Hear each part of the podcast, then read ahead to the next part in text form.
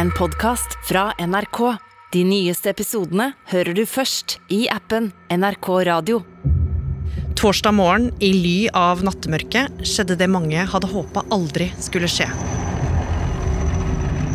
Russiske stridsvogner rulla inn over den ukrainske grensa, og raketter skar gjennom himmelen før de traff flere ukrainske byer.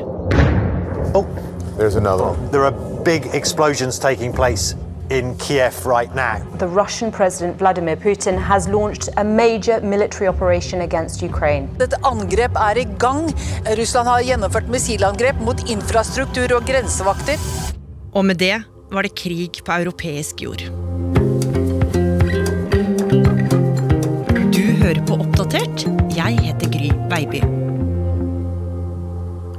Det som nå skjer, er det mest alvorlige som har skjedd i Europa på over 30 år, og vi har ingen anelse om hvor dette her kommer til å ende. Russland har gått til angrep på flere store ukrainske byer, og dette pågår òg akkurat nå mens vi spiller inn dette her, torsdag 24. februar. Vegard Kjørom er utenriksjournalist her i NRK Nyheter. I flere uker har vi forsøkt å gjette på hva Putin har planlagt. Mange har håpet at han bare vil skremme og aldri gå så langt som å angripe nabolandet. Men det var de mest dystre spådommene som slo til, for Putin angriper ikke bare en del av Ukraina. Over hele landet så har flyalarmen gått. Hver eneste time så kommer det nye meldinger om krig, rakettangrep og eksplosjoner en rekke plasser i Ukraina, og flere mennesker er drept. Så nå står Europa midt oppi det som kan bli en stor og langvarig krig. Ja. Og forvarselet på at noe farlig var på gang, det kom for noen dager siden. Ситуация на Донбассе вновь приобрела критический острый характер. Det er 21. februar, og bak et gigantisk brunt skrivebord sitter en mann i dress og snakker bestemt til kamera. О возможных дальнейших шагах на этом направлении. Mannen er Russlands president Vladimir Putin. I ukevis har flere tusen russiske soldater samla seg ved grensa til Ukraina, mens ukrainske soldater har stått på den andre sida. Og nå har Putin en viktig beskjed å komme med. Считаю необходимым принять уже давно назревшее решение. Незамедлительно признать независимость и суверенитет Донецкой Народной Республики и Луганской Народной Республики. Han sier at Russland ikke anerkjenner de ukrainske landområdene Donetsk og Luhansk som en del av Ukraina. For Ukraina, sier Putin, er egentlig i bunn og grunn russisk. Og ukrainerne er våre slektninger, mennesker vi har blodsbånd til. Это наши товарищи, близкие, среди которых не только коллеги, друзья, бывшие сослуживцы, но и родственники. Люди, связанные с нами кровными семейными узами. Talen til Vladimir Putin mandag kveld den vakte virkelig oppsikt, for i det store og hele så brukte Putin talen sin på å fortelle sin ganske så særegne versjon av verdenshistorien. Og mange satt med en følelse av at denne talen det var et forsøk fra Putin på å rettferdiggjøre at Russland planla å bruke militærmakt. Over hele Europa så satt folk litt lamslåtte tilbake etter at Putins lange tale var over, og flere eksperter mente at denne talen var helt uten sidestykke i nyere europeisk historie. Det er en pøbel som snakker. Og dette er en form for eh, pøbelspråk. Altså, jeg finner ikke noe annet ord som vi faktisk ikke har hørt siden 1938 og 1939.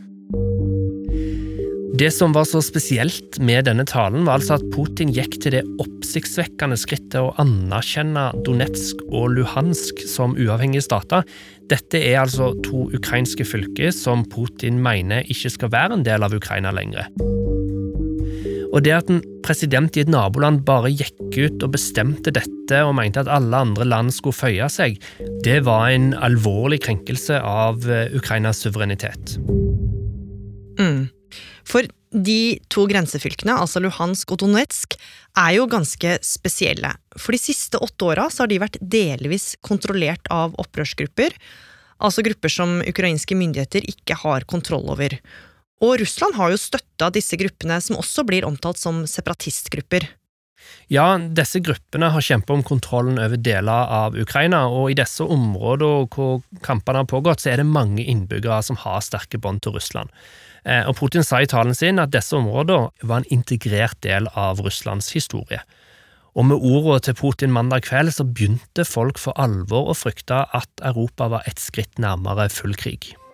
Vestlige ledere reagerer kraftig etter at Russlands president tidligere i kveld signerte et vedtak der han anerkjenner områdene Luhansk og Donetsk i Ukraina som uavhengige stater.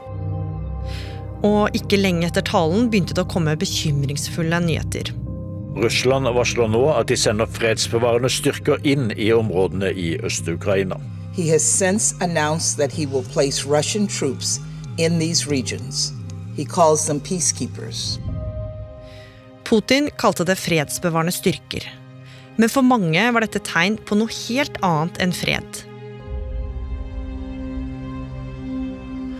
Og morgenen etter, tirsdag 22. februar, kom det stadig flere urovekkende meldinger. I natt rullet stridsvogner inn mot det som skal være området rundt Donetsk, bare timer etter at president Putin anerkjente de to utbryterrepublikkene helt øst i Ukraina som uavhengige. Alt det de har sagt om at denne øvelsen er over i forrige uke, de har jo ikke snakket sant. Det er jo like mange, hvis ikke flere styrker der.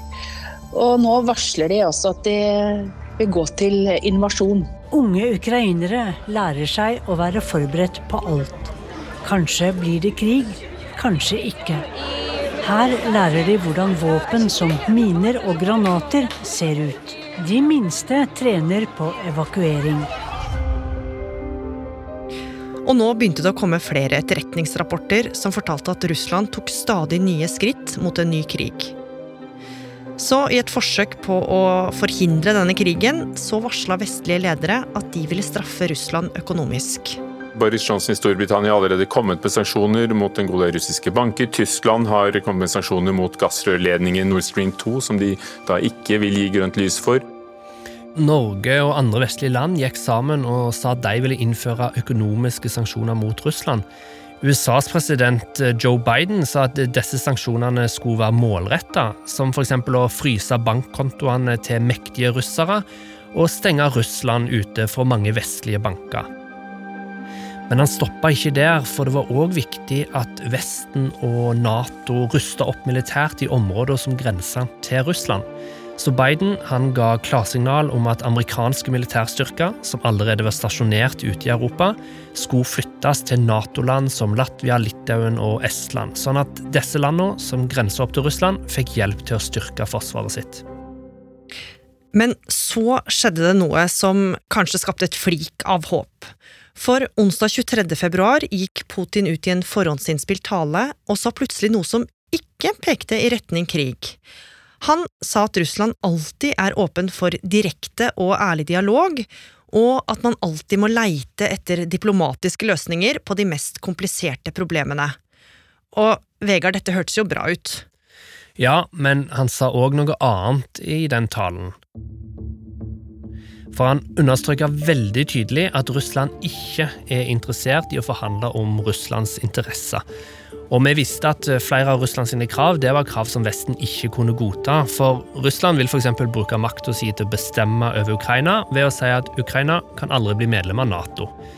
Så det at han gjorde det så klart at han sto på de samme kravene som før, det gjorde det òg tydelig at her var det en mann som var villig til å sette hardt mot hardt. Så nok en gang prøvde vestlige ledere å gjøre det mindre fristende for Putin å gå til full krig ved å innføre flere sanksjoner. Så håpet var at Russland skulle roe seg når man begynte å ramme dem økonomisk. Men sånn ellers var det jo litt begrensa hva vestlige ledere kunne gjøre, for Ukraina er altså ikke medlem av Nato. Nei, og Nato funker jo sånn at når et Nato-land blir angrepet, så skal det tolkes som et angrep på alle Nato-land. Men når Ukraina ikke er medlem i Nato, så er det ikke like aktuelt for vestlige ledere å true Putin med å angripe tilbake. Og dette vet Putin veldig godt, og han vet òg at Ukraina har en svakere hær enn Russland.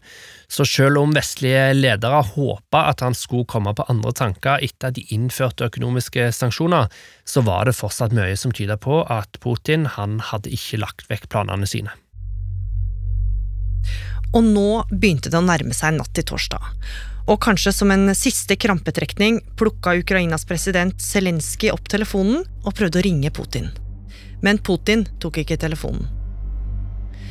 Samtidig begynte ryktene å svirre om at et angrep kunne skje når som helst. Nå sto 200 000 soldater langs grensa til Ukraina sammen med store mengder kjøretøy og utstyr. Og så skjedde det. Мною принято решение о проведении специальной военной операции. The war in Ukraine has begun. Just minutes after Russian President Vladimir Putin announced a special military operation in eastern Ukraine, explosions were heard in Kiev. There again now at Crump. It sounds like shell fire, but it could be airstrikes. It sounds like shell fire. И для этого мы будем стремиться к демилитаризации и денацификации Украины. Klokka fire natt til torsdag 24. februar fortalte Putin at Russland hadde starta en militæraksjon i Ukraina. Det var enda en oppsiktsvekkende tale fra Putin, og flere av ordene han brukte var nok nøye utvalgt, og denne talen var en del av Putins propaganda for å forsvare hvorfor Russland går til krig mot et annet land. Han sa at Russland ville demilitarisere og denazifisere Ukraina, og med det så forsøkte Putin å tegne et bilde av at det var mange nazister blant ukrainske soldater. Og det at Putin bruker sånne ord om den ukrainske hæren, har virkelig ingen rot i virkeligheten. Og han truer òg andre land eh, om å holde seg langt unna. Eh, og han sa at Russland i 30 år hadde prøvd å få til en avtale med Nato og USA om sikkerheten til Russland, uten å lykkes med det. Så han påsto at dette var et spørsmål om liv og død for Russland. Mm. Og ikke lenge etter kom det meldinger om flere angrep. Jeg våknet for et par timer siden av dype drønn ganske langt unna. Siden da så har det vært et tjuetalls eksplosjoner. Nå er det altså i gang det folk her ikke trodde kunne skje, mange her i Kiev. Lyden av flyalarmer holdt ukrainere over hele landet våkne gjennom natta og morgenen. Og nå ble det tydelig at det ikke bare var i Øst-Ukraina, der det har vært kamper i åtte år, eh, hvor det pågikk angrep. For Russland hadde òg gått til angrep på ukrainske byer flere plasser i landet, og til og med den ukrainske hovedstaden Kyiv. Og dette var jo enda verre enn mange hadde trodd. Og angrepene bare fortsatte. Det skal ha blitt hørt eksplosjoner bare åtte mil fra den polske grensa, som er en dags kjøretur fra Berlin. Og langs grensa til Hviterussland meldte ukrainske grensevakter om at russiske styrker også kom inn med krigskjøretøy. Og da Europa etter hvert våkna torsdag morgen, så gikk alvoret opp for mange. Det ukrainske militæret hevder at rundt 50 russiske soldater er drept, og at seks fly er ødelagt i Øst-Ukraina, melder Reuters. Informasjonen er ikke bekrefta. Kampene er i full gang, det er mange drepte, og det vil jo også selvfølgelig være mange drepte på russisk side. Så spørs det jo da hvor store tap eh, russerne tåler her, før dette virkelig blir en, eh, en belastning for president Vladimir Putin. Og bildene av ødeleggelsene begynte å spre seg. Fra grensebyen Kharkiv dukka det opp bilder av hardt skadde mennesker, tildekka av blod, som gikk gjennom totalskadde gater og ødelagte bygninger. I hovedstaden søkte redde innbyggere tilflukt på T-banestasjoner, og på den åttefelts store motorveien som leder ut av byen, sto bilene i kilometerlange køer for å komme seg ut. På flyplassen fylte det seg opp med folk som ønska å forlate landet, men som i siste liten hadde fått vite at myndighetene hadde kansellert alle sivile fly. Til nyhetsbyrået Reuters sa en kvinne på flyplassen at de ikke får noen hjelp, og at de ikke aner hvor de kan henvende seg, eller hvor de skal dra.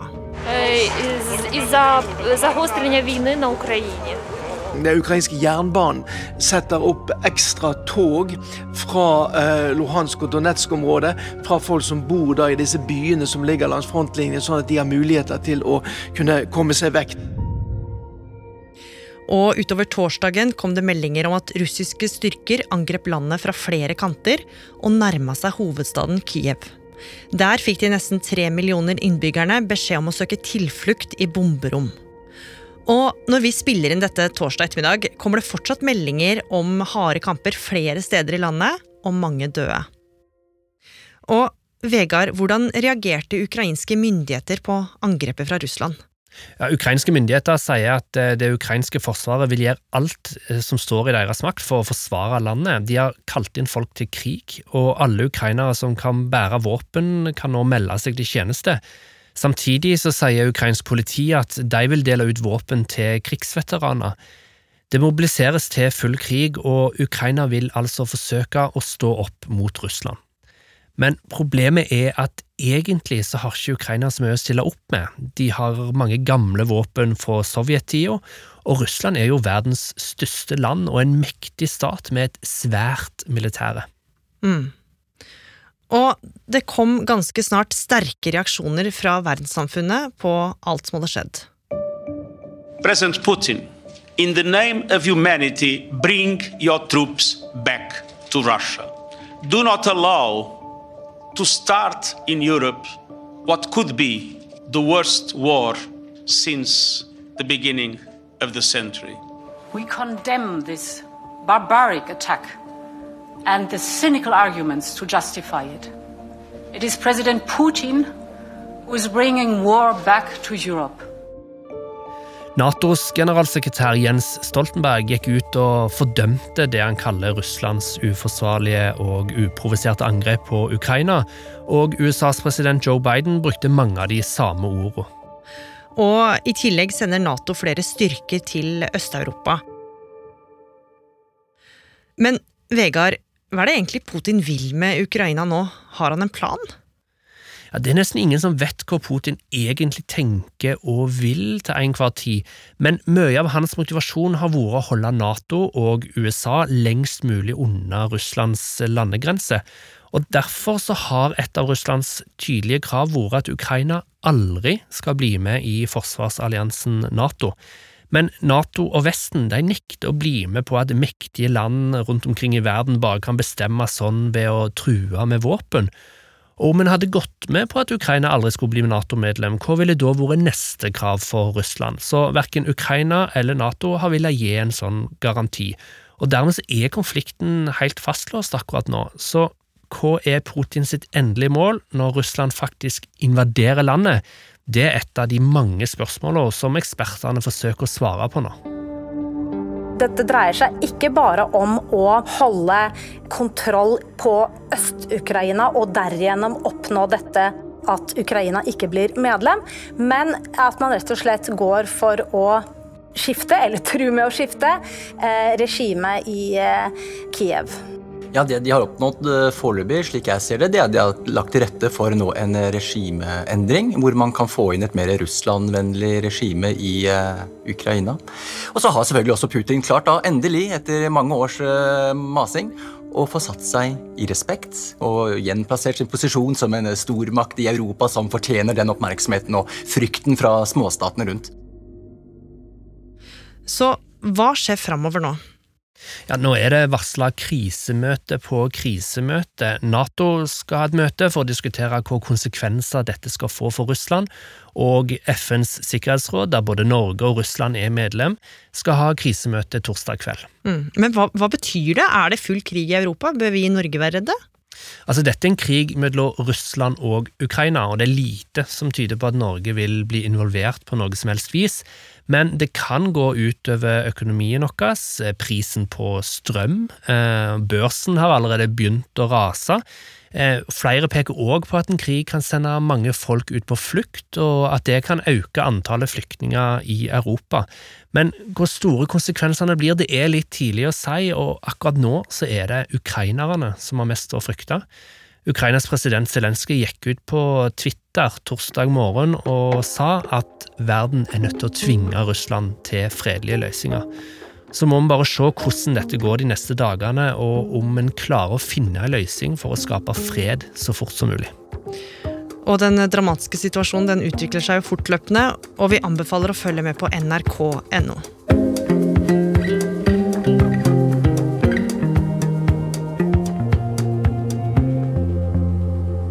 Oppdatert er en podkast fra NRK Nyheter. og Denne episoden er laga av Ina Swann, Irina Kjelle, Vegard Kjørom, Id Skrivarhaug, Kaja Kirsebom, Andreas Berge og meg, Gry Veiby. Programredaktør er Knut Magnus Berge. I denne episoden har du hørt klipp fra AP, The Independent, BBC, Reuters, The Telegraph, CBS, Al Jazeera, Bloomberg og selvsagt NRK. Du har hørt en podkast fra NRK. De nyeste episodene hører du først i appen NRK Radio.